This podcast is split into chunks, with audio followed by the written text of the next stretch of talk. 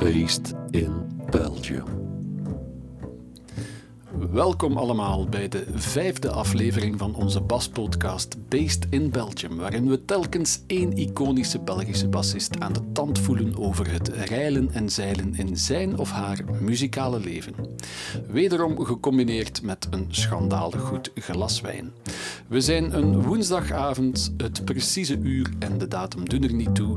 De tijd staat er weer even stil in Studio Le Garage om deze keer mijn eigenste leermeester Bart de Nolf te verwelkomen.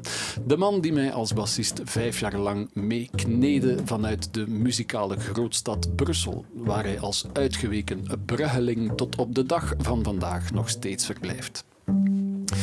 Bart is niet alleen groot van gestalte om zijn getrouwe oude contrabas te bespelen, hij is ook groot in zijn aimabele persoonlijkheid. Een kwaliteit die niet zelden in één adem met zijn muzikale talent vernoemd wordt, als zijn naam valt tussen collega's.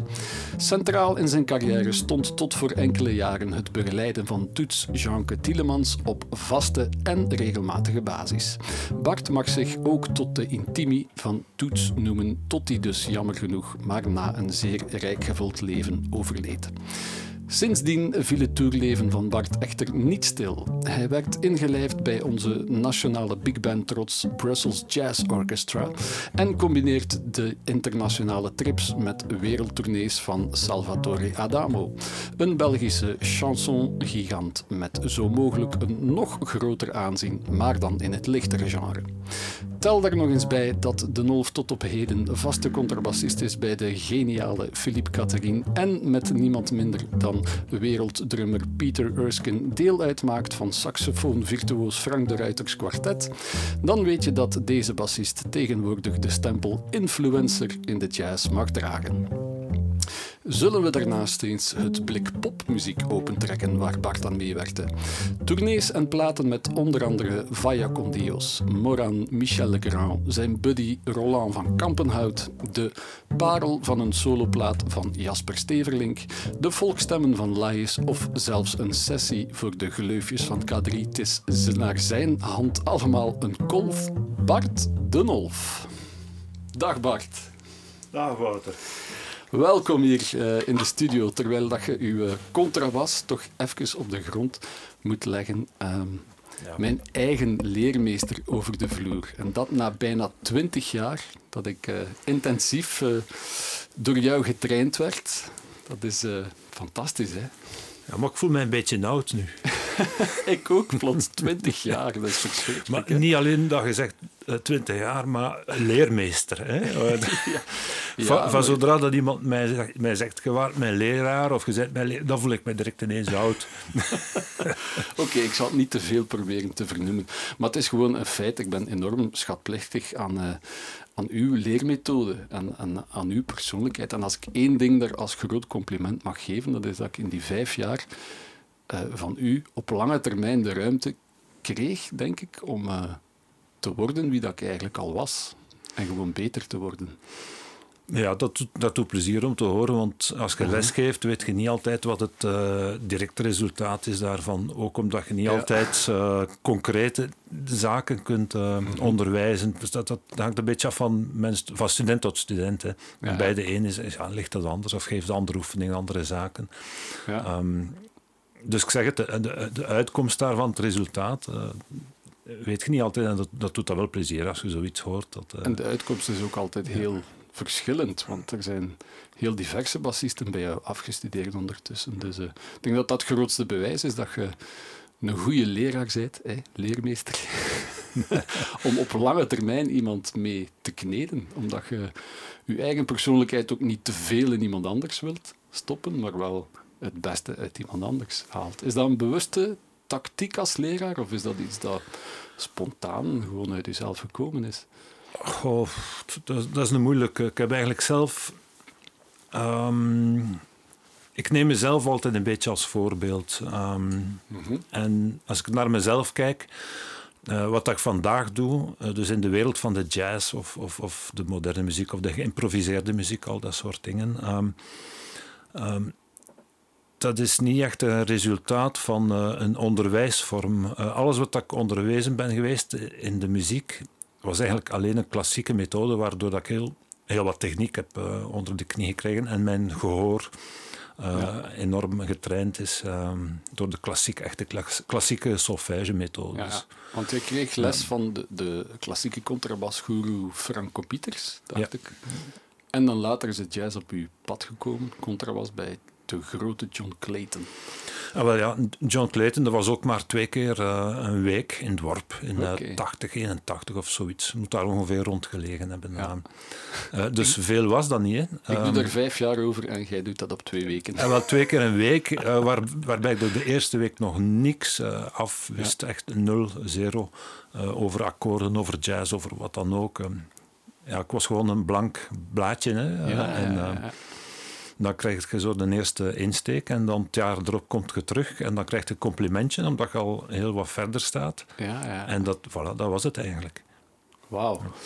Dat is de reden waarom dat ik blij ben dat ik mijn, ik ga het nog één keer zeggen, mijn leermeester hier mag uitnodigen. Dat is normaal op optredens, als ik ga spelen, kom ik weinig bassisten tegen, omdat er meestal maar één bassist in de band is. Dus vanavond kunnen we dat ruimschoots goed maken. Dus we mogen vooral niet vergeten om iets te drinken.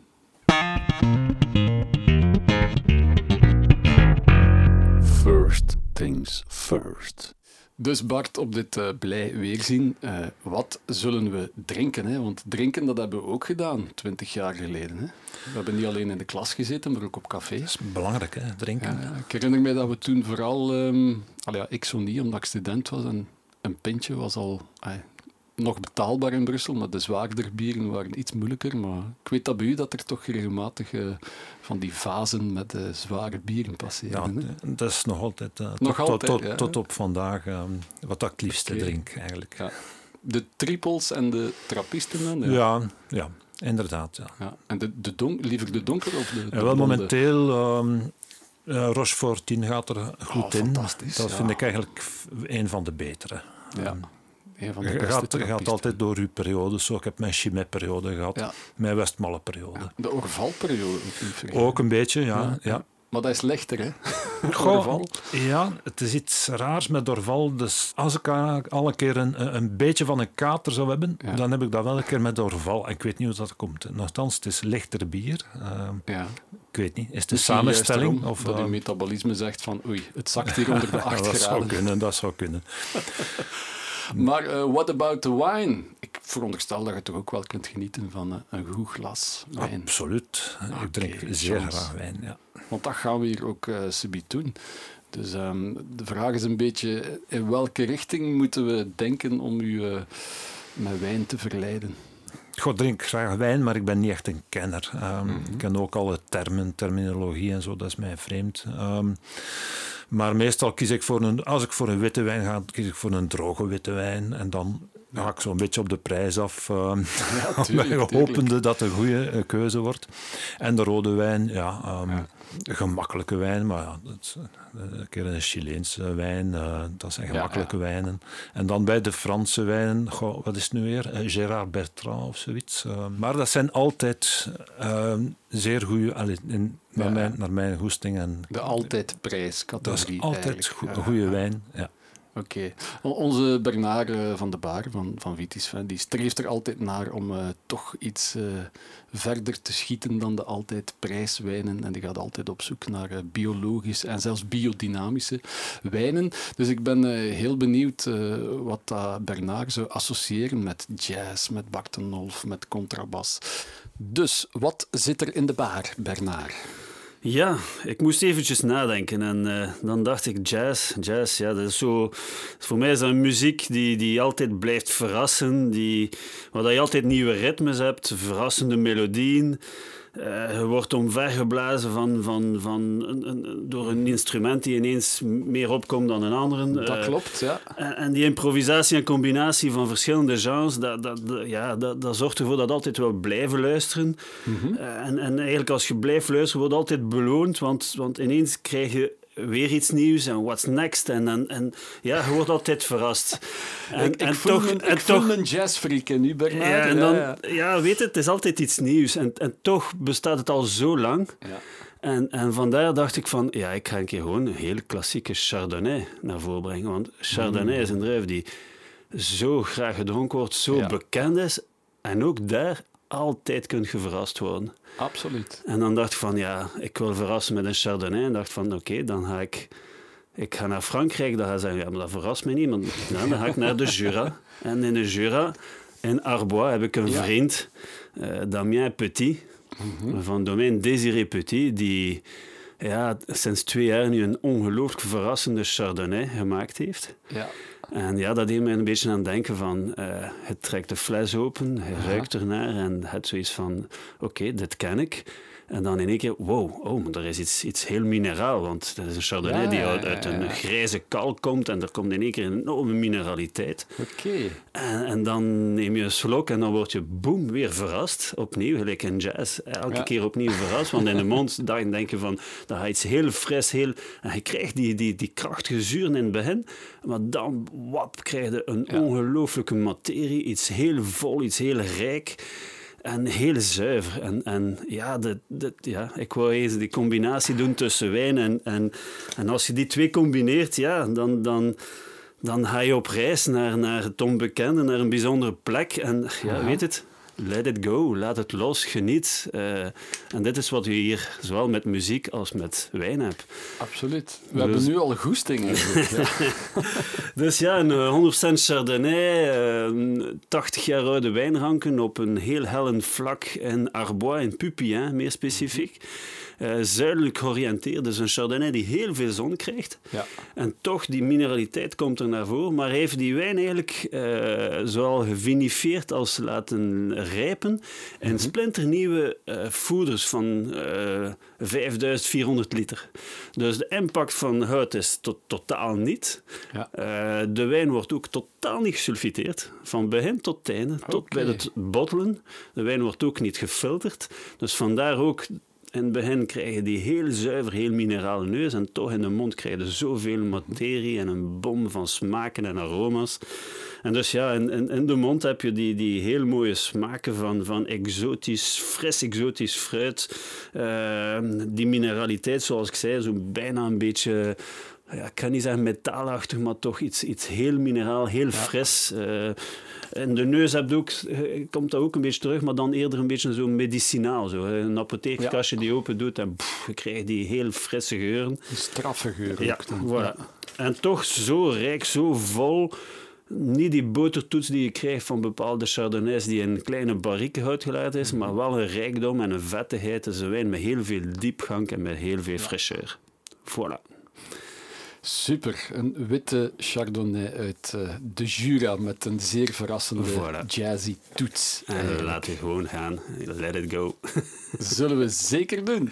De jazzy toets, Bart. Ik ben heel benieuwd of dat je die gaat uh, terugvinden. Ik ook, zeg. Jazzy en toets dan nog in dezelfde zin gebruiken. Waar dat Bart een Hof bij zit, dat is, uh, dat is durven.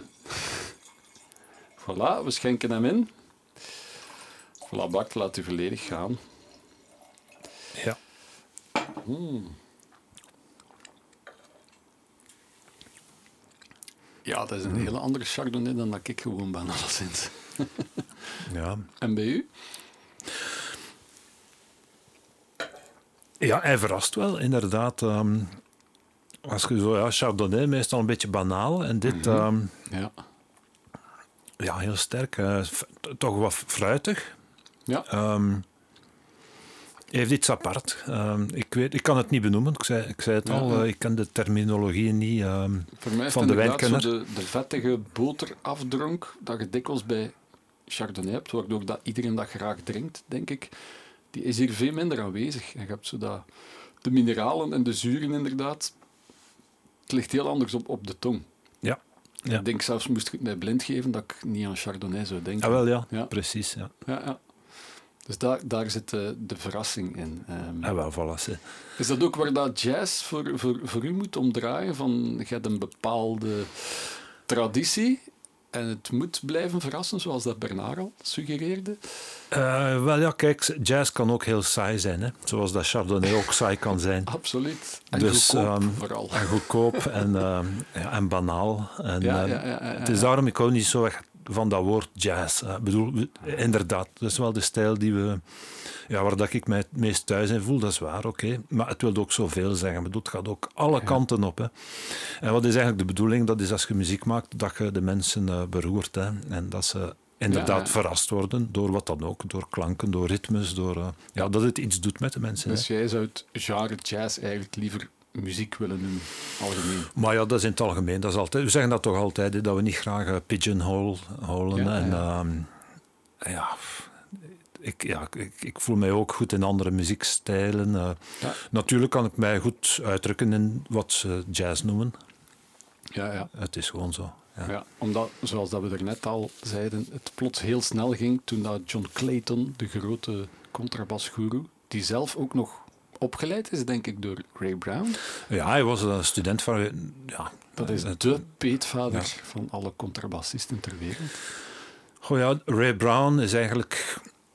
Dat staat gelijk aan een school voor mij. Dat is echt mm -hmm. een mhm. schoolvoorbeeld. Alles wat dat je op plaat vindt of op opnames van Ray Brown, dat is een voorbeeld van hoe het eigenlijk moet. Hoe het, hoe het ja. kan, maar hoe het moet. Er is nooit een, een, een slechte noot, een valse noot. Ja, ja. Um, het is heel inspirerend. Uh, ja, ja. ja. Een, uh, een scharnierpunt misschien in, in het basspel, zoals dat je dat bij Scott LaFaro later ook had. Ja, en, en, nog andere, andere bassisten nadien natuurlijk. Hè. Maar ik denk als je ja, jazz wilt leren, bas en, en, en een goede onderbouw hebben, uh, dat je gewoon Ray Brown moet bestuderen en dan... Ja. Hij is eigenlijk de, de goede contractie van een goede Chardonnay waar dat je dan later mee aan de slag kunt om je eigen verrassende toets erin te steken. Misschien. Absoluut, ja. Ja. Ja, uh, ja, want het is ook niet de bedoeling van te kopiëren en het daarbij te laten. Hè. Um, nee, nee, niks nee, is um, uh, triester en, en, en pathetischer dan iemand uh, als een wannabe Ray Brown. Hè. Ja, ja, ja, ja. Alhoewel dat ik mezelf altijd betrap om af en toe toch eens een, een, een, idee, een ideetje van hem ja, erdoor ja. te laten passeren. Uh, en hoe, hoe, hoe zet je dan, dan naar je eigen hand? Ik weet dat niet. Um, John Clayton die zei daar iets uh, inter interessants over de laatste keer dat ik hem zag. Mm -hmm. um, je hebt nog af en toe of, contact met John Clayton? Uh, wel, we hebben heel lang geen contact ja. gehad, want ik heb hem gezien dus in begin de jaren 80, in 80, 81 ongeveer. En toen hebben we ik denk, twintig jaar lang elkaar niet gehoord. Ja. Um, en toen ik al een tijdje bij Toets speelde, heb ik hem eens een e-mail geschreven.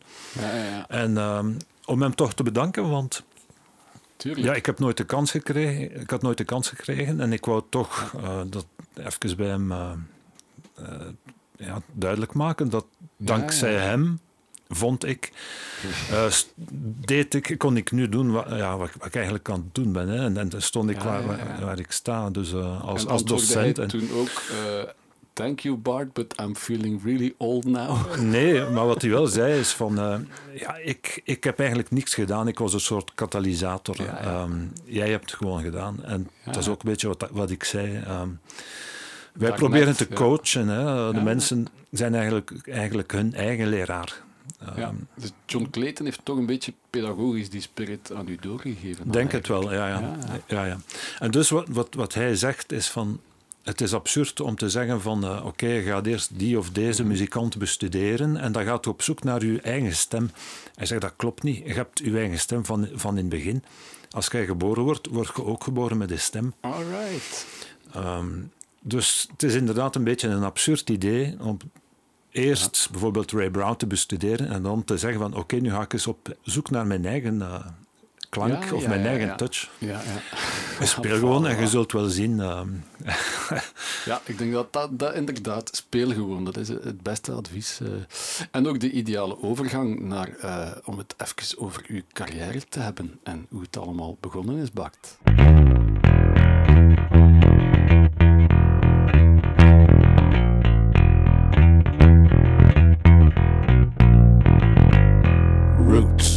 Bloody Roots. Oké, misschien niet Bloody, maar wel de Roots van uh, Bart. Daar ben ik naar op zoek. Het uh, moment dat ik me herinner dat ik je voor de eerste keer zag en hoorde spelen, en ook als mens, was eigenlijk, want ervoor had ik eigenlijk nog niet zoveel over u gehoord. Uh, was op mijn 21ste, toen dat ik naar het conservatorium kon en mocht gaan. Um, dankzij een paar stagelessen van uh, een andere oud-leerling van u, Christophe de Visser, ook een geweldige jazzcontrabassist en elektrische bassist. Uh, die zei van, je moet naar Brussel gaan en je moet bij Bartonov studeren ik dacht van oké, ja, ik heb die naam al een paar keer gehoord, maar ik heb die mensen nog nooit zien spelen. En in één adem wordt dan natuurlijk Toet Stillemans ook genoemd als uw naam valt. Dus ik dacht van dat kan niet mis zijn. Op dat moment waren we 1997, denk ik. Ik denk dat dat ook het moment was waarop dat je juist bij Toets officieel werd ingelijfd als de vaste. Ja, ja want ik, ik was een beetje aan twijfelen als ik hoorde mhm. dat je zei van uh, de naam Toets, die, die viel al. En um, ja. ik weet niet precies de datum. Uh. Dat was wel al duidelijk uh, dat dat er zat aan te komen dan. Um, ik wist ook dat je een verleden had met heel veel big band ervaring. Het BRT Jazz Orkest, of hoe dat het dan ook heette. Maar het moment ja, dat ik u tegenkwam, waar zat jij dan in uw carrière? Want jij was ook dikwijls in het buitenland bezig. En van alles. Goh, ja. Ehm, als dat eind de jaren negentig was en ja, toen begon ik bij Toets. Um, goh, ik zie mijn, als ik mag zeggen, carrière een beetje in, in grote blokken. Ja. Um, het eerste blok na mijn uh, uh, eerste stappen in, in de jazzcursus in Worp met John dus. Ja. Um, ik was uh, 15, 16 jaar. Ja. Heb ik uh, contact gezocht met mensen. Dat is het goede van die, van die stages. Dat is dat je heel veel volk tegenkomt en mensen ja. leert kennen. Hè. Het netwerk. Um, ja, voilà. Dat is de eerste eh, stappen in het netwerken. En uh, toen leerde ik mensen uit Brugge, muzikanten uit Brugge kennen, die, die daar ook waren. Erik Neels. Ik weet niet of dat je die naam, die naam weet Die naam zegt me niks, nee. nee. En Erik die zei van, ah, we hebben een groepje, waarom kom je niet, waarom kom je niet meespelen met ons? Mhm. En toen zei ik van, ja, maar ik kan dat niet, ik ken dat nog niet, ik heb nog geen ervaring. Ja, maar dat is niks, kom maar mee, je zult wel leren. En dat is het eigenlijk. Hè. Zo werkt het gewoon. Zo ja. werkt het altijd. Uw allereerste band eigenlijk in uw hometown Brugge. ja. ja. Maar vandaar naar Toets is, is een hele weg natuurlijk ja, afgegaan. Maar ik vind het toch belangrijk om, om over die mensen te praten. Want zonder die mensen zou ik nooit bij Toets geraakt zijn. Dat is, dat is één ding. En, en, en tweede ding, ik heb nog altijd heel veel respect voor, voor, voor die mensen. Voor de roots. Ja, want het is, het is muziek op, op, wel, op welk niveau of, of in welke vorm. Op dat ogenblik is, is dat het belangrijkste wat dat je doet. En uh, je moet je daar zeer bewust van zijn. En dan de tweede groep was ook een lokale groep. Dat was met wat oudere mensen. Dat was met de André Jean op sax, uh, Alain Rorik op vibrafoon. Dat zijn allemaal mensen lokaal van Brugge, de Brugse scene. Dus um, echt al een soort van mini-jazz in Maar ja, en, en, dat waren gasten met ervaring. Hè. Die, hadden, uh, die hadden allemaal een beroep. En die waren daarnaast ook muzikant, maar echt wel muzikant op, op, op redelijk hoog niveau. En uh, een volgende stap was dat ik zo wat ging spelen met ehm, een pianist uit, uh, uit Oostende, uh, Jean-Jacques. Mhm. Zijn artiestennaam, zijn echte naam was Werner Brunoge. Ja, maar dat, iedereen, de hele generatie, de de, ja. ja. die hadden allemaal een, een artiestennaam. Dat van Willy Albimore en dat soort uh, ja, artiestennamen. Ja, ja, ja. Bekende dirigenten die een redelijk belachelijke Vlaamse naam hadden. Ja, ja, tuurlijk. Dat klonk niet. Hè. ja. ja, André Jean. Dat. Hij, had, hij had zelfs nog een andere... Uh, Jonathan Olstein was nog een andere artiestennaam. Okay. Die had er twee. Huh? Kijk, ja. het is erger dan de, de tien om te zien era, die dan later in de jaren negentig is. Ja, ja. Nee, maar dat... op, op, op het moment, je staat daar niet bij stil. je kent die mensen, dat is fantastisch dat je mocht meedoen. Heel veel ervaring opgedaan. Hè. En ja, dus die pianist uit Oostende, eh, Jean-Jacques... Um, en dat was iemand die heel veel in de casino speelde en, en T. Dansans. Die had heel lang geleden ook een heel groot orkest, een heel groot dan, dansorkest. Veel repertoire. Heel veel repertoire. Maar bijvoorbeeld um, nooit een nummer uitspelen, hè, want hij kende het tweede deel nooit. Dus hij begon een nummer en zo halverwege dan moduleerde hij het en speelde hij het eerste deel opnieuw. Okay. Maar een, een, een halve toon hoger of een toon hoger. Zo. Ja. En er, was nooit, er waren geen partituren, dus je moest gewoon, uh, ja, je moest gewoon op je... Uh, ja, gehoor meedoen. Hè. En zolang dat de mensen het populaire deuntje konden herkennen, was het goed. Ja. ja, dat was La Mer van Trenet en dan ja. Les, Feuilles, Mortes en, enzovoort. Hè. Zeer belangrijke standards eigenlijk. Al, absoluut, ja, zeker. Ja, ja. Maar dus dankzij die mens heb ik uh, Jacques Pelzer leren kennen. Ik weet niet hoe, maar hij kende Jacques. Uh, en hij zei tegen mij op een dag van, kijk, uh, ja, binnen een week komt Jacques, Pe Jacques Peltzer. Zei Peltzer, hij zei niet Pelzer, hij zei Peltzer. Ja, Jacques Peltzer, kom naar hier. En we gaan, we gaan met hem spelen. Dus, en Jacques die kwam en die wou Autumn Leaves spelen, maar uh, Jean-Jacques die speelde toch maar de, de eerste helft van Autumn Leaves. Ja, ja, ja. Ik kende Autumn Leaves wel helemaal. dus uh, Jacques Pelzer die heeft goed geluisterd naar mij. En die was toen ja, blijkbaar onder de indruk. Ja. En die heeft mijn telefoonnummer gevraagd. En een week later stond ik met mijn contrabas uh, ja. en mijn versterker uh, met een trein, want ik, had nog, ja, ik was nog maar 16 jaar, stond ik in Luik. Direct in de Luikse scene, die ik heel belangrijk was op dat moment ook, hè, voor België. Al, altijd, hè? altijd. Ja. Dus dat, dat begon al richting de professionele jazz scene te gaan op dat moment. Absoluut, ja. Ja, dat waren gigs, hè. wij gingen gigs spelen. Hè. En ik, uh, ik heb goh, tien jaar, twaalf jaar bij Jacques gespeeld.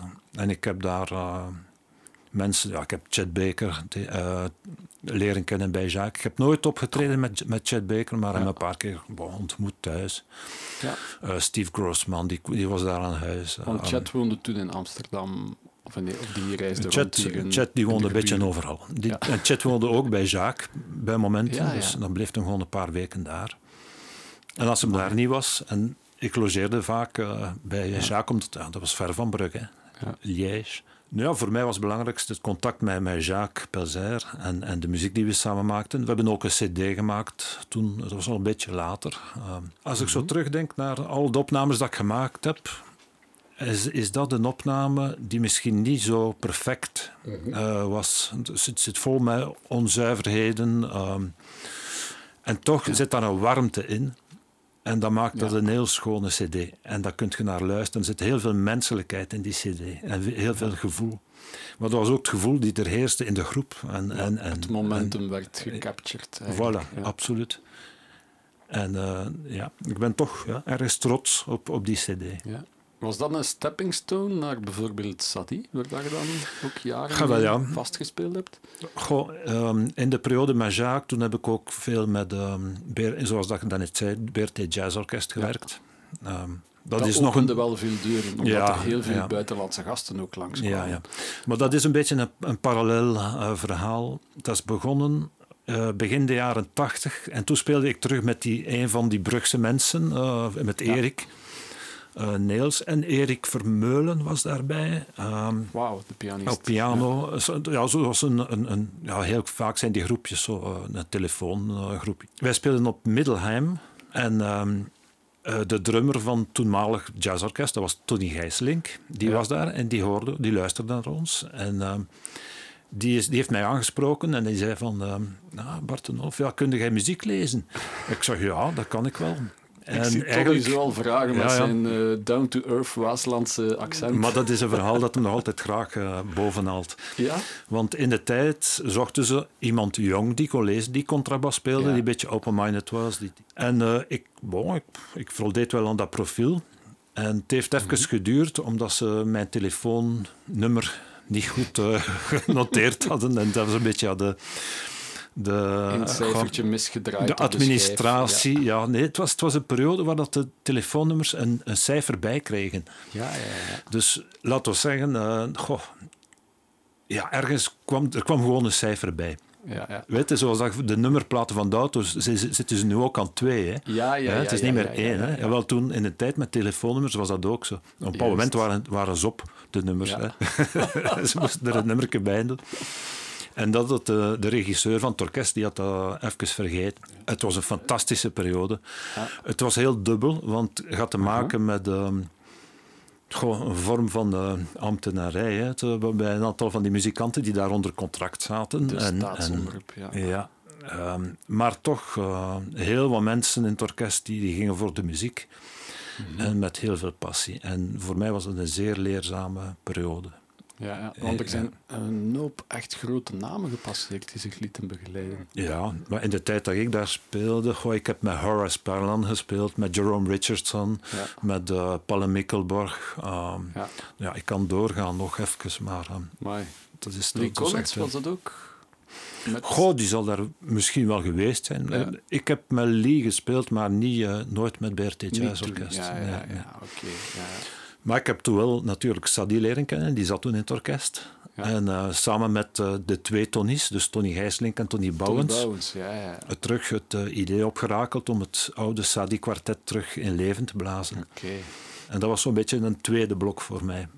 Of een derde blok. Het blok Brugge, blok. Luik, dan het blok eh, Sadie. Hopelijk ja. geen gevangenisblok. eh, Nee, nee, nee. Ehm, en dan, eh, ja, na, na Sadie kwam het blokje toets.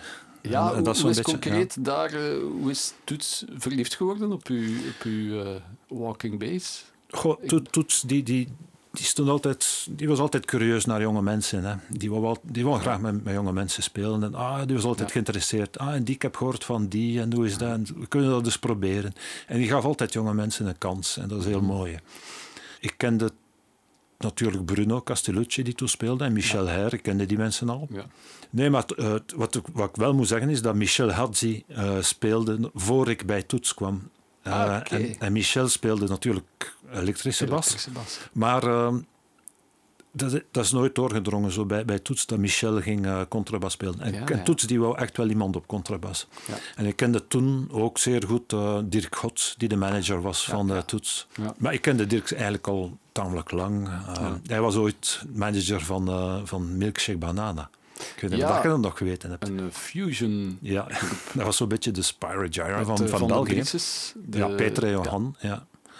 Ik heb wel een keer mogen meegaan naar eh, Atlanta, Georgia, eh, op, een jazzfestival. En toen heb ik Dirk goed leren kennen, want hij had alles georganiseerd. En eh, enfin, toen zijn we goed bevriend geraakt. En het is ook een beetje dankzij Dirk dat ik natuurlijk bij Toets geraakt ben. Ja, ja. Maar blijkbaar was Toets heel tevreden over mijn, ja, mijn manier van spelen. En wat was de... Want ik kan me inbeelden dat Toets u- u wel wil afsnuffelen aan de hand van een of andere standaard. Het, de Jazz Real Book. Of is hij gewoon spontaan iets beginnen spelen en had hij iets van, Eh, volg me maar, doe maar. Weet je nog wat dat je toen gespeeld hebt de eerste keer met Ik, Toets? ik weet, de allereerste keer dat ik Toets heb ontmoet, dat was in de Studio 6 op de Flagey. Toen dat ik nog eh, met het jazzorkest werkte. Ja. En hij was toen bezig aan de opnames voor een plaat ehm, in productie door E- Evert, Evert Verhees en eh, Kevin Mulligan, Ja, ja, denk ik. Een meer elektrische plaat. Ja, ja, ja, ja. Dat was een periode. Ik weet nog dat Bob Porter, die toen de... De arrangementen. eh, Hij deed de arrangementen. En Bob was ehm, de chef van... eh, enfin, de, de chef d'orchestre van eh, het Bertie Jazz Orkest. en Ja. dat- op dat ogenblik. En Bob zei toen op een dag van... Bart, blijf even. Toets, die komt straks. En ze kunnen hem even ontmoeten.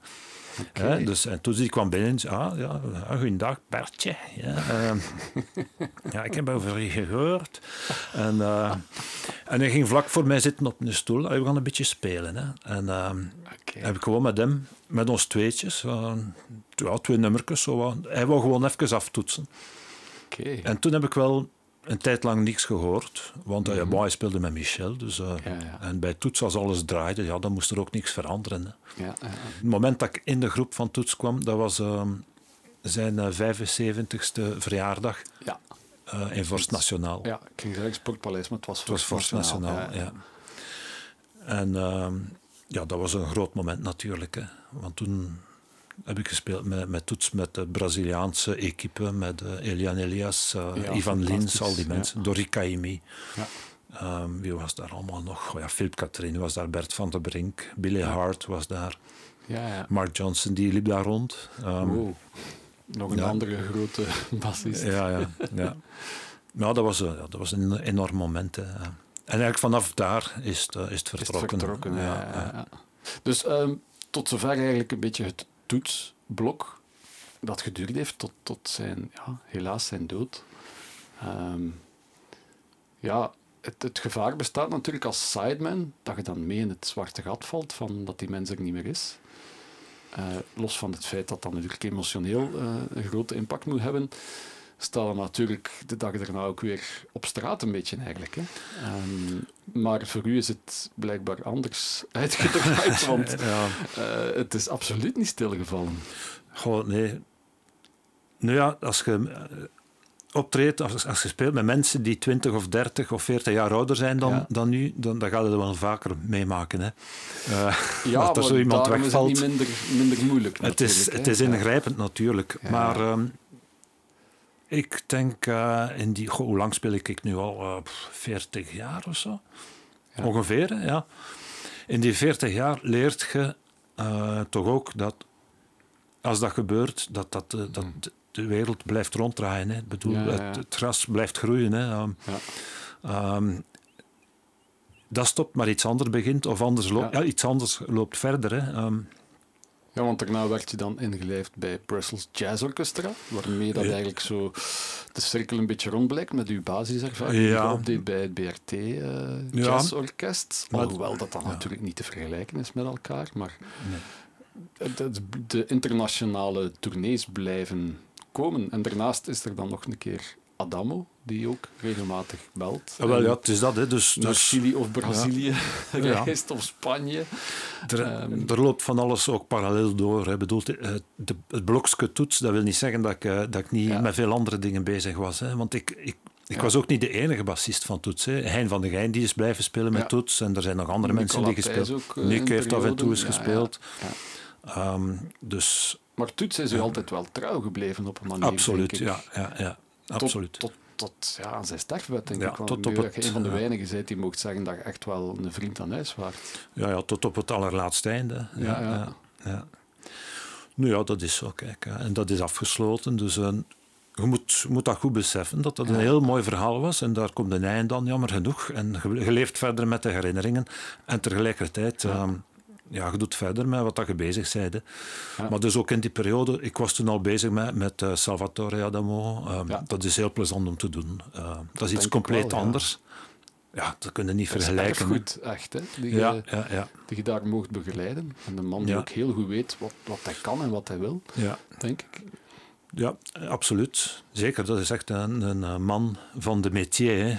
Ja, um, de oude métier. De oude, ja, à l'ancienne, echt waar. Ja, en dat is het plezante. Want ik moet u zeggen, muzikaal, ik vind dat hij heel schone liedjes gemaakt heeft. Mm -hmm. Maar het, het, de voldoening dat je hebt van het werk dat je doet, uh, is, is toch anders. Hè. Ik bedoel, als je met toets speelt of, of en als je dan met Adam, dan gaat het bij mij niet over de muzikale inhoud of de harmonie of wat dan ook, of de, of de groove of zo. Nee, het, het gaat over heel, helemaal andere dingen. Hè. Het gaat over de liedjes, het, het, het ja, het, ja. plezier van muziek maken op het podium, het publiek. is ja. altijd, ja, elk concert met Adamo, dat is altijd een feest. Hè. Ja. Dat zal wel. Ja. En, en um, denk je dat er ooit nog een blokje komt waarin dat je die denk ik wel unieke ervaringen met toets, waar je mij heel veel passie over vertelt, dat dat ooit zou kunnen terugkomen met een andere artiest? Goh. Of is toets zo uniek dat dat out of the question is? Ja, ik denk dat wat ik met toets gekregen heb op een podium, uh, de, de, de, de, de, de, ja, de emotionele kant, de, kracht, de kracht die de muziek uh, emotioneel kan teweegbrengen, of de emoties die kunnen ja, teweeggebracht worden. Met, ik denk dat ik heel lang ga moeten zoeken om, dat, om nog zoiets terug te vinden. Ik bedoel, Toets was, was uniek, dat is gewoon een, ja, een geniaal was dat. Hè. Ja, ja. Uh, ja. En een man die ook, gelijk dat we in het begin daarnet zeiden, van wel jazz gerelateerd is en altijd die stempel, hè, de pigeonholing, uh, die dat meekrijgt, maar van de eerste noot die gespeeld heeft hij eigenlijk iets van uh, fuck you all, ik maak gewoon muziek. Hè. Maar ja, de, dat kon muzette zijn, dat kon uh, ja. ja. een, erke zijn, dat kon Mac the Knife zijn, dat is een stom liedje. Hè. Het kon John Lennon zijn, het kon... Ja, ja, maar ja, kon, het is dat. Ja, Paul Simon, alles wat hij speelde, alles klonk gewoon goed. Iedereen dat hij uh, zo'n pipieken over gedaan heeft, zoals hij altijd zo schoon zei. Was dat zijn uitdrukking? Ah, ja, ja, Als hij sessie gedaan had ja, of samengewerkt? Ik heb een pipieken gedaan over, uh, over dit of over dat. ja, die is pipieken gedaan bij Michel Legrand. Of zo, oh, ja. En een pipieke bij Jacques Pastorius. Ja, het is dat. Ja. Maar ja, dan ook bijvoorbeeld bij Wiltura heeft hem ook een pipieke ja, gedaan. Ja, Zoals bij Salvatore Adamo heeft hem een pipieke gedaan. En dat was altijd prachtig. Hè? Dat was fantastisch. Hè?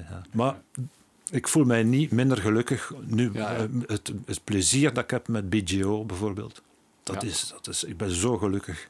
En, Ja. en dat ook, geloof ik, ja, dat is echt wel ook voor mij. Ja, toen ik dat hoorde van ah, Bart is nu de vaste van BTO, dacht ik van that's the right man on the right place. dat, dat doet plezier natuurlijk. Hè. Alhoewel, dat, ik denk dat veel mensen daar. eh, ja er zijn er altijd veel, maar ik, ik zie mijzelf zeker niet als de, de enige, de uitverkorene. zeker niet. Maar ik ben wel heel blij dat ze, maar ze wel voor mij juiste man op de juiste plaats, absoluut. Ja. Ja, Fantastisch. Genieten. Ja. Ja. Er, er was ook een, een ooit, en ik weet niet of dat ooit terugkomt, een eigen Bartenolf trio blokje. Ja, dat was moeilijk. Goh, dat was zo moeilijk. Omdat je je eigen dan moet blootgeven als Nee. zijnde, ik ben nu de leader van de band. Ik denk dat ik wel een band kan leiden, dat kan ik wel. Ja. Ehm, dat is niet het moeilijkste. Maar eh, het moeilijkste vind ik eh, het, het creatief zijn op die Mhm. manier. Hè. Dat is, ik ben echt een sideman. Hè. En ik kan mij zeer goed inpassen. En, en, en, en Ja. dat, is, dat is denk ik een beetje mijn roeping om eh, de muziek goed te doen klinken en, en de rest van de Ja, muzikanten comfortabel te, te doen voelen. Dat ze goed kunnen functioneren, Ja. muzikaal. Ehm, maar om te zeggen van ik componeer, voilà, en ehm, Ja. dat is moeilijk. Dat, eh, en dat heb ik met dat project een beetje geprobeerd. Ehm, Ja. Ik vond het echt de moeilijkste oefening dat ik ooit in mijn leven gedaan heb. Qua blokjes is er ook nog een heel groot, en dat is een, een blok dat weinig mensen echt van jou kennen, omdat je er vaak onder de radar blijft, vind ik. Dat is het popblok, het populaire genre. Als we, zoals ik in de introductie zei, het eh, blik eens opentrekken, dan, dan komen daar ook weer ongelooflijke samenwerkingen tegen. Hè. Van Lies tot eh, Roland van Kampenhout, Pieter Anders Met ook. Ehm Vaya con Dios ook, als vervanger op een buitenlandse tour, denk ik. Eh, voor Moran ook dingen ingespeeld. Ja, dat zijn allemaal... Dat is toch allemaal de dream come true, denk ik. Als je dat kunt doen. goh, het, is, ehm, het is muziek, het is allemaal muziek. Hè. Ja, absoluut. En ik denk, ik ben zo een beetje iemand, als ik iets doe, ga ik, gewoon, ga ik er gewoon helemaal voor. En, en ik, Maar, ehm, maar eh, ik denk dat, dat vooral Roland ook wel een, een ongelooflijke buddy on the road geweest is. En Ja. nog altijd is. Goh, dat is eigenlijk dat is één, ja, één lang grappig verhaal. het verhaal van Roland. Waar dat ik niet te veel in detail ga treden, want eh, Ja. bepaalde potjes ga je hier maar gedekt, Ja, ja. gedekt laten. Maar over Roland zijn er ondertussen al zoveel verhalen. eh, Ja, ja. eh, wat is zo het strafste dat je met een onkel hebt meegemaakt? Goh, het is eigenlijk een van de meest kleurrijke eh, periodes geweest in mijn muzikantenbestaan. En ik denk, eh, naast het plezier eh, op, van het muziek maken op podium met Roland, ehm, is het vele lachen en, en het, het plezier in het leven en het, en het genieten van het leven. Ja. En veel lachen en joken en, en, en het u allemaal niet te veel aantrekken. en alles komt wel goed bijken. Eh, eh, maar ja, een paar memorabele, memorabele momenten. ehm, ja, er zijn er zo wel een To paar. name a few, hè. Ja, ja. Goh, ik weet nog, eh, mijn eerste ontmoeting met Roland. eh, dat was in het nachtleven in Brussel. maar dat was een café aan, de, aan Saint-Géry, dus in, in het centrum van Brussel. Gorikshallen, ja. Ja, waar dat er heel veel volk kwam en ook heel veel muzikanten. Arno kwam daar veel. eh, ja. ja, Roland en Piet Jorens, die Ja, toen de drummer de was drummer van bij, Arno. Ja, bij en- Charles Lulu. Ja. dat was een, een beetje de periode van Charles Lulu. Ja. En, en ik kende Piet goed, want wij waren ehm, studiegenoten van het Conservatorium van Gent. Mhm. Ehm, en ja, een beetje babbelen met Piet en eh, een pintje drinken. En Piet, oh ja, ik kan je voorstellen naar Roland, dat is, dat is goed. Roland moet je leren kennen. en Roland, die, zei Piet, die zei, ja, ah, Roland, kijk, dat is Bart contrabassist.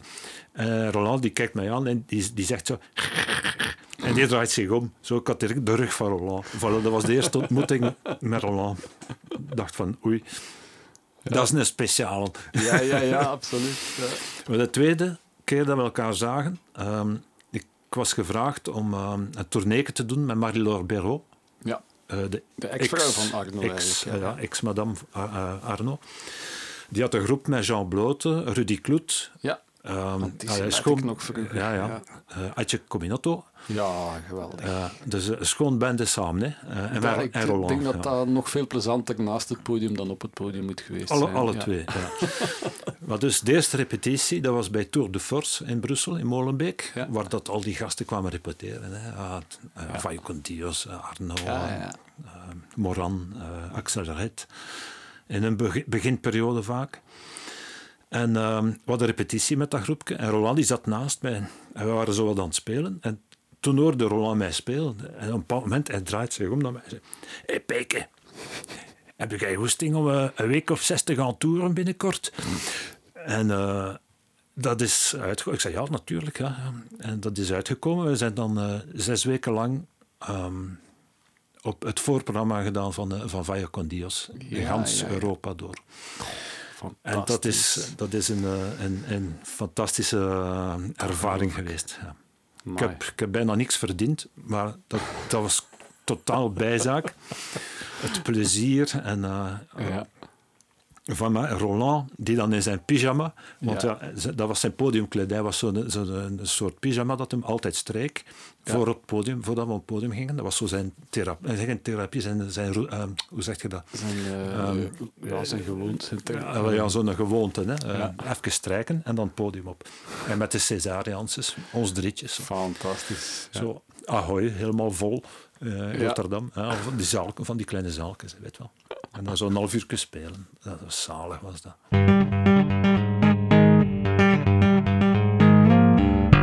Oh my god. Voilà, van uh, Roland van Kom Kampen uit naar uh, God himself. Dus, uh, een kleine stap voor Roland, denk ik. Een grote stap voor de mensheid. ja. Bart de Nolf, wie is uiteindelijk, want er zijn al een paar namen van bassisten gevallen, op basvlak uw ultieme god? Oei, oei, oei. Ik denk dat, dat iedereen hetzelfde hier zegt. Uh, dat, is, dat is de moeilijke. Dat is keuzestress. Dat is een hele moeilijke. Hè? Ja. Contrabas of elektrische bas, daar begint het al mee. Hè? Wel omdat jij de twee zo goed speelt, eh, als een van de weinigen in België, mogen de van elks eentje kiezen. Ah, ja. Ja. Goh, ja. Kijk, ik ga het toch houden bij, bij Ray Brown voor de contrabas, in mijn geval. Omdat hij voor mij, uh, mijn manier van spelen, mijn, mijn ja, visie op het basspel en de muziek mm -hmm. en, en, en ja, mijn smaak en zo, zo bepaald heeft. Dus, um, en ook ja, John Clayton, die dan nadien een beetje... Goh, mentor geweest is, als ik ja, het zo ja. kan zeggen, was toch een van zijn, uh, om niet te zeggen, beste leerling. Um, ja. Die gewone dat was gewoon een ver, verderzetting, sorry, ver, verderzetting van uh, de stijl en de school Ray Brown. Dus ik zou zeggen, Ray Brown is de man. Natuurlijk, de eigenlijk van de jazz. Maar als ik zou mogen uh, natuurlijk, ja, bon, uh, dat is niet de bedoeling. Hè. Maar er zou geen Ray Brown zijn zonder een Jimmy Blanton. Of, er zou geen, ja. Uh, of ja, Oscar Pettiford. Sam Jones. Ze zijn allemaal, allemaal belangrijk. de early guys eigenlijk. Maar ja, van de, tuurlijk. De early Is, swing. Israel Crosby, super belangrijk. zeer ondergewaardeerd misschien niet, maar niet, niet genoeg gekend. Maar zo, zo belangrijke mensen. En als die er niet zouden geweest zijn, ja, was er misschien ook geen dan was God Ray Brown. Niet, voilà, voilà het is dat. Simpel is. En op vlak van basgitaar dan? Goh ja, dat is weer een beetje hetzelfde probleem. Mm -hmm. hè. Um, in de jaren tachtig was dat zeker Jacko. Dat is misschien nu nog altijd zo, alhoewel dat uh, jonge mensen daar minder mee bezig zijn, denk ik. Um, ja, maar daar komen ze ooit wel op uit. Hè. Als, ja. je zot bent van Joe Dart, dan kun je niet anders dan eindigen bij Jacko. Maar het is dat, dat er ook heel veel van in zit. Hè. Maar het probleem met Jacko, dat, is, dat, dat stond al zo ver. Hè. hè? Ja. Dus misschien moet je dan meer naar een Jamerson gaan of zo. Hè? Ja. Maar ja, Bootsy Collins was ook heel belangrijk. Hè? Absoluut. Dus als je er één moet kiezen, uh, het is moeilijk hoor. Het is een lastige. um, maar misschien iemand die voor u de ogen geopend heeft op basgitaarvlak. Ja. En die een keer niet Jacko is. Ja, ja, ja. En wel, Want die is voor iedereen de, de blikopener. Hè? En wel, kijk, voilà, um, Marcus Miller, voilà. Yep. Ja.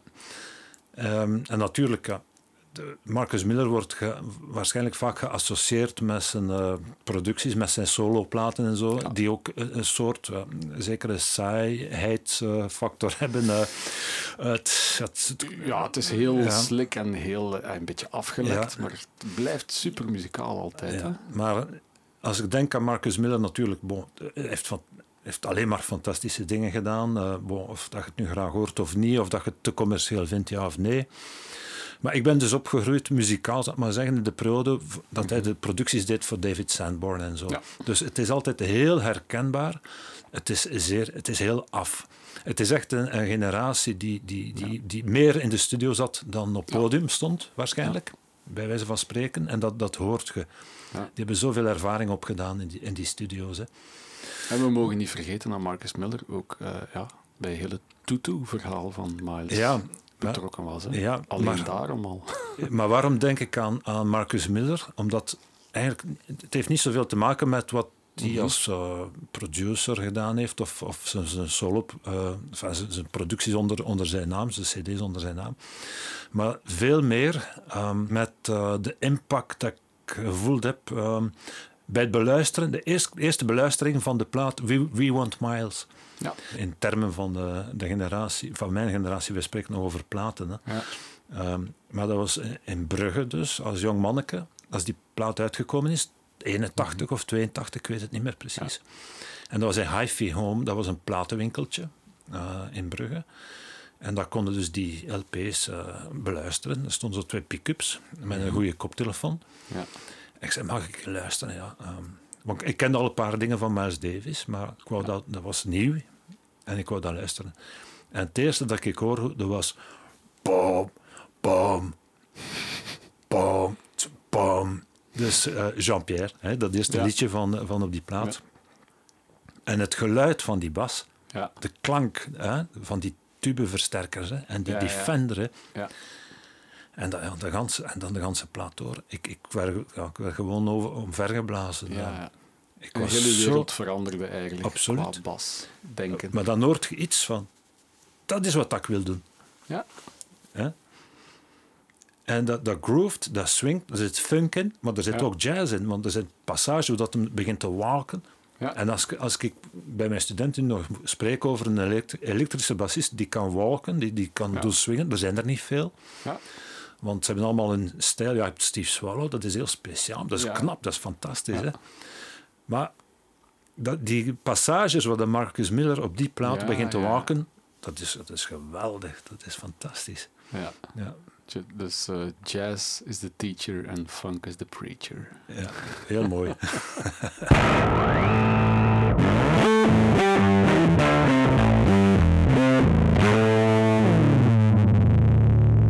Gearsluts. Gear, materiaal, ja, het uh, schuilt zelfs in de contrabassist. Hè. Het, uh, de zoektocht naar uh, de holy grail, naar het ideale akoestische instrument als een contrabas, dat lijkt mij een onmogelijke opdracht. Dat is heel moeilijk, ja. ja. Zeer moeilijk. Um... De meeste contrabassisten die ik ken, hebben ook maar één bas. Ja, ik heb, ik heb er ook maar één, um, enfin, één contrabas. Ja. Um, ik zou er graag meer hebben, maar ik heb het geld er niet voor.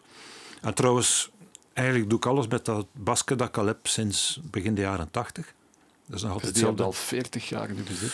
Ja, op een bepaald moment zat ik... Het is wel mijn tweede bas. Um, ja. Maar um, ja, het is het basje waar ik alles mee gedaan heb. En, en ik herinner mij dat op een dag had ik een uh, concert met Toets. Mm -hmm. En uh, gelukkig in Brussel. Uh, in het cultureel centrum van Ukkel, ik weet het nog goed. En uh, ik pak mijn bas uit en er was iets kapot en hij was onbespeelbaar. Het was iets, ja, iets gebroken. Uh, ja. Oh ja, en dat was eigenlijk om de achterdeur van uw Peugeot 205 Just, te hard zoiets. Ja, ja, ja. ja, maar ja, dat zijn dingen die gebeuren, hè, jammer genoeg. Ik heb van Bart de Olf ook geleerd vroeger uh, dat een contrabas zelfs in een Peugeot 205... Zelfs, zelfs in een Twingo. Okay. Zelfs, zelfs, in een Twingo, Twingo. Ah, oké. Okay. dat is nog straffer eigenlijk. Een beetje goede wil, ja. ja. Alleen de madame aan de voorkant moet dan heel hard een buik in trekken natuurlijk. Ja, voilà, is dat. of op tak gaan zitten. maar er was iets met die bas en ze was niet bespeelbaar. Ja, wel nee, dus wat doe ik reactie, direct bellen naar de luthier in Brussel. Uh, Philippe van Geffel. Ja, Philippe, in Sint-Gilles. In Ja. Sint-Gilles, ja. Ik zeg, Philippe, uh, ik zit met een probleem. Ik heb een, pro een, optreden met toets. We hebben hier soundcheck, maar mijn bas is kapot. Heb jij iets staan dat ik zou kunnen gebruiken? En hij had een contrabas staan van een bassist, een goede be bevriende bassist. Ik ga zijn naam niet zeggen, want het verhaal dus is dat ik dus wel die bas... Ik bel naar die uh, bevriende bassist. Ja, geen probleem, kom hem maar halen. Uh, en dat, is, dat, was een heel duur instrument, een heel goed instrument. Dus ik, ja, ik was uit de nood gered. Ja, waarschijnlijk, ja, zoiets. Dus, en ik heb dat concert gespeeld met, op die bas. Gelukkig had ik, uh, ja, ik was gered. Hè. Mm. En op het einde toets, die draait, want ik stond altijd vlak achter toets op die optredens. En hij draait zich om. En hij zei, ja, het was goed. Het was goed. Ja, maar het klankske... Het is toch uw bas, het is toch uw instrumentje niet, hè? Hij had het in het snotje. Ja, wel, ja. ja hij vond dat mijn, mijn, uh, ja, mijn geluid beter was. Ja, ik weet niet, dus dat wil niet zeggen dat dat geen goede contrabas was, maar het is, ja... Bon. Maar alles van u zat wel al in die bas. Denk het, hè. Nee, ja, de en, mojo en, zat in uw bas en niet in die andere absoluut, dure bas. Absoluut. Ja, en, en, en uw contrabas, concreet, uh, kunnen we spreken van een merk of een bouwjaar? Of Goh, hangt er een verhaal aan bouwjaar vast? is... Um, ik heb hem tweedehands gekocht. Uh, het bouwjaar is 79 of zoiets, Mhm. denk mm -hmm. ik. En het merk, dat is een Emmanuel Wilfer, een Duitse, toen nog Oost-Duits, als ik me niet vergis, uh, contrabas. Ja. Dus eigenlijk een... Oh, die, die maken nu nog bassen. Um, het is geen groot instrument. En als ik de prijs zeg in de tijd dat we die gekocht hebben, ja. dan volgt het achterover, want dat kun je niet meer krijgen. Uh, maar ja, we spreken ook over dik ja. 35 jaar geleden. Ja, ja. Ja, maar, 80, ja, echt, ja. toen was het, uh, gewoon, het, we hebben die gekocht voor 80.000 Belgische frank. Dat komt neer op 2000 voor de jonge mensen, in 2000 euro. Waar dat je nu amper een, uh, een slechte Chinese contrabas voor kunt op de kop tikken. Uh, maar ja, het is toch een, nog een, een, een van de betere generaties. Uh, ja, uh, ja. Dus dat is de heilige graal. De, de zoektocht is eigenlijk al lang voorbij. Ja. Want ik, een keer dat Toet Stilman zegt van nou, het is toch uw basket niet, dan gaat ook niet zomaar een ja, veranderen, denk ik. Weet je, overal waar dat komt, doet dat basket zijn werk. Ja. Ook in de studio krijg ik altijd, je moet dat maar een keer vragen naar Shelle of, of de mannen. Ja. Michel Dirks van de ICP. Voilà, ja. die, die, die zeggen altijd hetzelfde. Ja, die moeten eigenlijk niks doen. Ja. Die moeten gewoon een beetje van, van, van de bottom-off draaien, soms een klein beetje. Uh, maar dit, ja, dat kun je gewoon direct zo oppakken. Maar ik hoop het, want ik moet straks ook een micro voor uw bas gaan zetten om ah, Famous. Last Notes te spelen. Dus, uh, ik hoop dat hem... Dat... Als het niet goed klinkt, ligt het dus aan mij en niet aan... Ja, het kan ook liggen aan het weer. Hè. En ook aan het feit dat, dat, we, dat, we al, dat we in de corona zitten, dat we niet meer mogen spelen en zo. Dat, uh, ja, voilà. En hoe zit het dan elektrisch? Want uh, daar is natuurlijk de verleiding groter, aangezien dat dan meestal goedkopere instrumenten zijn en makkelijker vertransporteerbaar. Is de collectie daar iets ruimer dan één basje? En wel, nu zijn er twee. Ah. Ja, ik zag ja. het eigenlijk op Facebook. Plots is er een ja. jazzbas in uw leven gekomen, terwijl dat ja. een Die Hard Stingray... Ja, pas op, het is geen jazzbas. Hè. Het is, uh, nee? nee, nee. Het is een hybride jazzbas. Het is een, uh, een, een Sire bass. Hè. Um, ah, ja. oké. Okay. Want ja, mijn Stingray, de vier snaren Stingray, is een fantastisch basje. Ongelooflijk goede ja. Stingray. Ja, het is echt zalig. Veel mensen hebben het al willen kopen, maar de, deze doe ik echt ja. niet meer weg. En, en trouwens, ik speel er heel graag op. Klinkt toch altijd goed. Maar uh, ik moet een beetje laten nazien. En uh, er mankeerde de vijs links en rechts.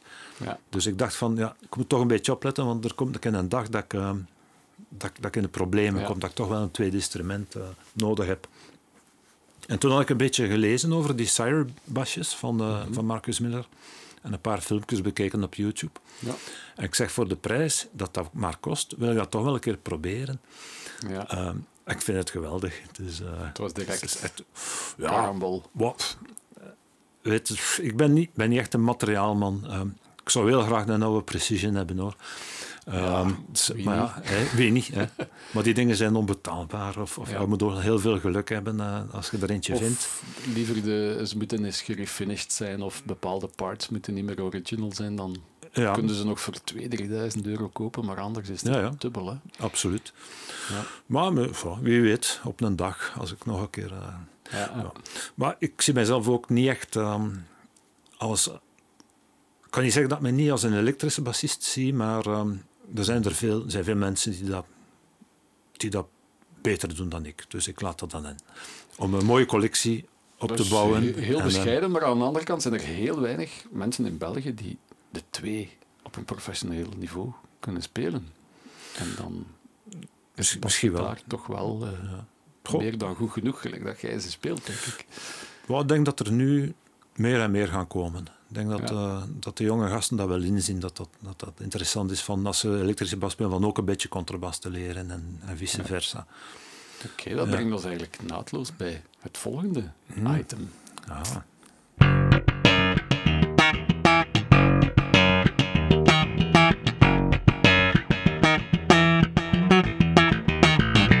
Advice for the young at heart. Oké Bart, naadloos, professioneel als we zijn, komen we bij de goede raad voor de jonge mensen. Ehm, je hebt natuurlijk al heel veel leerlingen en studenten zien passeren. Als je nu één goede raad er zou moeten uitnemen om gewoon een goede muzikant als zijnde bassist te worden, wat is dan eigenlijk de belangrijkste tip? Oh, ik zou naar mezelf kijken en wat ik van mezelf vind dat ik niet genoeg gedaan heb. Oei. Ja, en ik zou, ik, ik, ik zou eerder en jonger, eh, vroeger, eh, begonnen zijn met bepaalde dingen te bestuderen. Om s- sneller te kunnen snappen wat ik aan het doen ben. Ehm, ik zou bijvoorbeeld eerder, of, ik kan het nog altijd niet trouwens, maar piano geleerd hebben. Ehm, zelfs een beetje drummen. eh, ja, een paar, ja, dat soort instrumenten, hè, begeleidingsinstrumenten. Eh, maar vooral piano. Ehm, Om dan, als je als bassist in een band speelt, nog beter te voelen wat het geheel doet en hoe dat je dat stuurt vanuit de laagte. nou, misschien niet. Nee, ik denk dat ik met wat ik kan en, en ken en weet als bassist, dat ik echt goed mijn werk kan doen. Ehm, Ja. Dat heb ik niet echt nodig. Maar bijvoorbeeld wat ik eerder zei van, ehm, als je creatief wilt zijn, je wilt componeren, ik denk Ja. als je goed kunt piano spelen, dat dat alleen maar kan helpen. Ik Ja. denk trouwens dat alles wat dat je leert en wat dat je bestudeert, dat u dat kan helpen. Ik denk als je bijvoorbeeld Bon, noten lezen, dat kan ik nu wel. Hè. Ik heb dat gedaan. ehm, ik, ik heb dat daarnet gezegd in de klassieke opleiding. Heb ik dat geleerd. Dat heeft me heel veel Ja. geholpen. Maar dat, dat maakt ook als je dan. Dus voor mijn officiële periode bij BGO. eh, kreeg ik al eens een telefoontje. Ah, eh, ja, sorry Bart, maar we hebben jou nodig. Onze bassist die heeft eh, zijn arm gebroken. Ja. Kun jij vanavond komen? Ja. En dan Short krijg je dan ineens, op short notice moet je ineens zo door de ganse boek zonder repetitie. Ja. En ik kan u verzekeren dat de arrangementen van Frank Faganet en, en, en Lode en Dieter en Pierre Drevet, Lezen Ehm, die handel. dat is pittig, om het zo te zeggen. Absoluut, absoluut. En dan komt er wel van pas dat je een beetje deze, ja, deze, deze zaken onder de knie hebt. Ja. Dus het, eh, eh, kunnen, muziek kunnen lezen maakt van u geen slechtere muzikant. Ja, ja. Dat zei trouwens Ron Carter in een van zijn quotes op Facebook. eh, iets, iets van reading music doesn't make you... of ik weet niet, do- doesn't hurt you as a musician of zoiets. slechter. Nee, maar voilà, het is dat. Voilà. En ik denk, Ja. hoe, hoe meer dat je kunt leren, hoe, hoe meer dat je weet, over alles, hè. Eh, over alles. Ja. Technische as- aspecten van instrumenten. eh. Niet dat je dat allemaal direct moet gebruiken, maar hoe meer dat je weet, hoe, hoe- beter. Ja. Hoe meer dat u, dat u dat gaat helpen. Ja. Oké, dus probeer eigenlijk een, een spons te zijn en alles te absorberen wat dat je tegenkomt. Ja, stel het niet uit, want Ja. als je dan ineens 30 of 40 of 50, of in mijn geval 55 bent, dan, Ja. dan wordt het een beetje laat. En, en merkte dat de tijd snel gaat. En eh, ja, we hebben Ja. allemaal zoveel dingen te doen, ook als je al een familie hebt en zo. En, eh, ja, er is is, nog weinig tijd om te studeren. het is dat dat ik wil zeggen. Ja, student afzet, hè. ja, Ja. absoluut. Dat is waar. absoluut. Ik benijd ze soms, de studenten. Absoluut. Oh, zalige tijd. Ja. En wel verdoet die tijd niet. Ja, hè. Maar gebruikt hem slim. Right, dat is klaar en duidelijk. Oren gespitst, alstublieft. Alstublieft. De goede raad van Bart en Olf.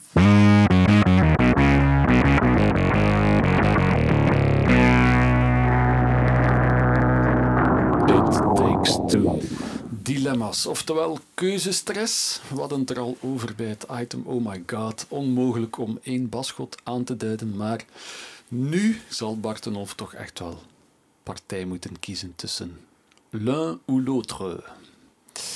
Klaar Bart? We gaan proberen, hè. Hier gaan we. Niet simpel. Basgitaar of contrabas? Ja, dat is een gemakkelijke. Contrabas voor mij. Oké. Toets terugroepen om nog eens een pipieke te doen op een schoon nummer of mosselen gaan eten met Roland in Brussel? Goh, Dat is een hele moeilijke. Hè? dus, die bosselen, dat kan, dat kan nog altijd. Hè, maar Ja. toets terugroepen, ja, als dat zou kunnen, eh, ja, dat is natuurlijk... Pas op, want Roland is ook al van leeftijd. Hè? Ja, maar onkruid vergaat niet, hè. Nee, dat is waar. Maar toch, stel niet uit tot morgen wat je vandaag nog kan doen. Voilà, carpe diem. Eh, uw strijk laten doen door Roland of toch liever door moeder de vrouw? Ik doe het eigenlijk zelf.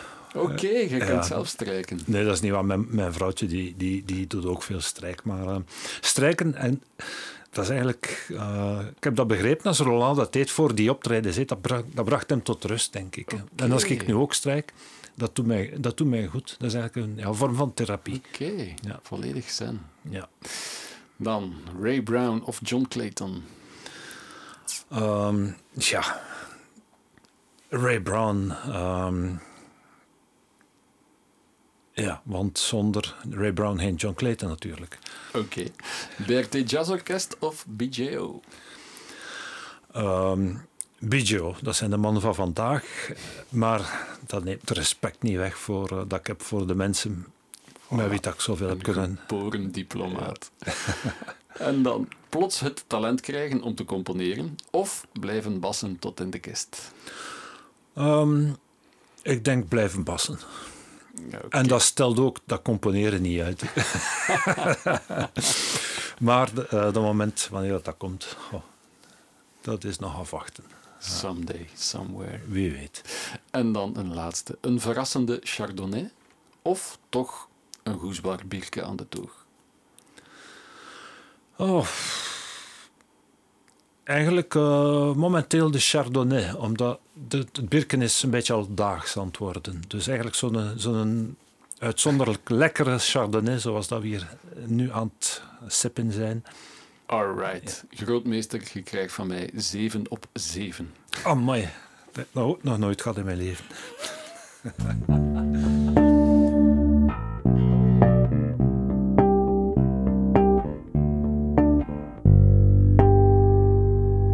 Famous Last Notes. Oftewel het muzikale grafschrift van Bart de Nolf.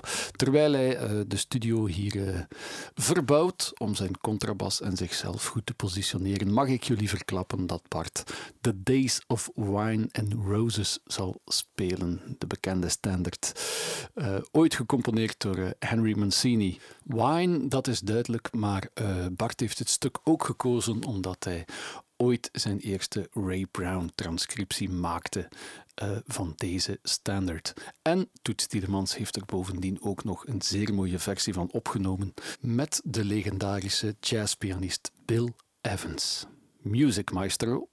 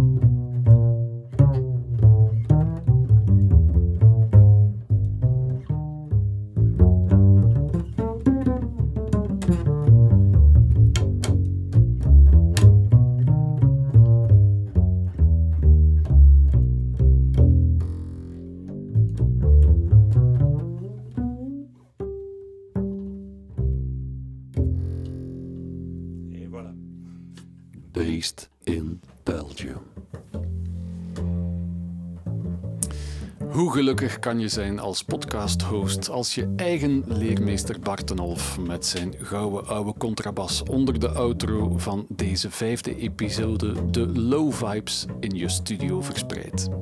Check zeker ons YouTube-kanaal Based in Belgium als je de song die Bart daarnet inspeelde wil horen en zien. Meer achtergrond bij de wijn die we daarnet uitschonken vind je steeds op de site vitis.vin. Ziezo, de vijfde aflevering zit erop. Het is nu uitkijken naar onze volgende pasgast. Benieuwd of die ook zo'n muzikale wereldreiziger is als Bart. Wederom verhelderend was het om met mijn persoonlijke leermeester in dialoog te gaan en vast te stellen dat hij niet alleen heel oud is geworden, maar ook des te wijzer. Dat Brugge destijds al een goede potgrond voor het ontstaan van de Belgische jazz was en dat hij nog steeds ambities heeft om als topleraar zelf nog beter te worden.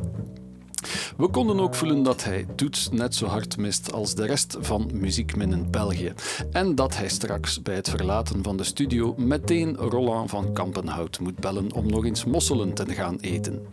We hopen dan weer dat het mosselen in de witte wijn zijn natuurlijk. Bij voorkeur een verrassend lekkere chardonnay als vandaag.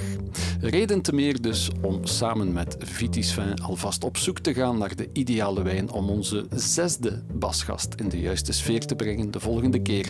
En zo te komen tot een even interessant gesprek als ik vandaag had met topbassist Bart de Nolf. Bedankt Bart, bedankt Bernard van de Baar en bedankt jij daar, luisteraar.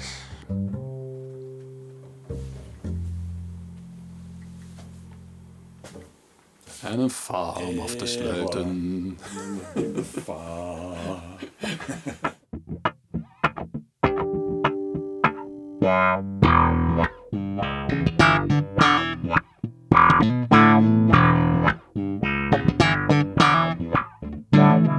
Based in Belgium.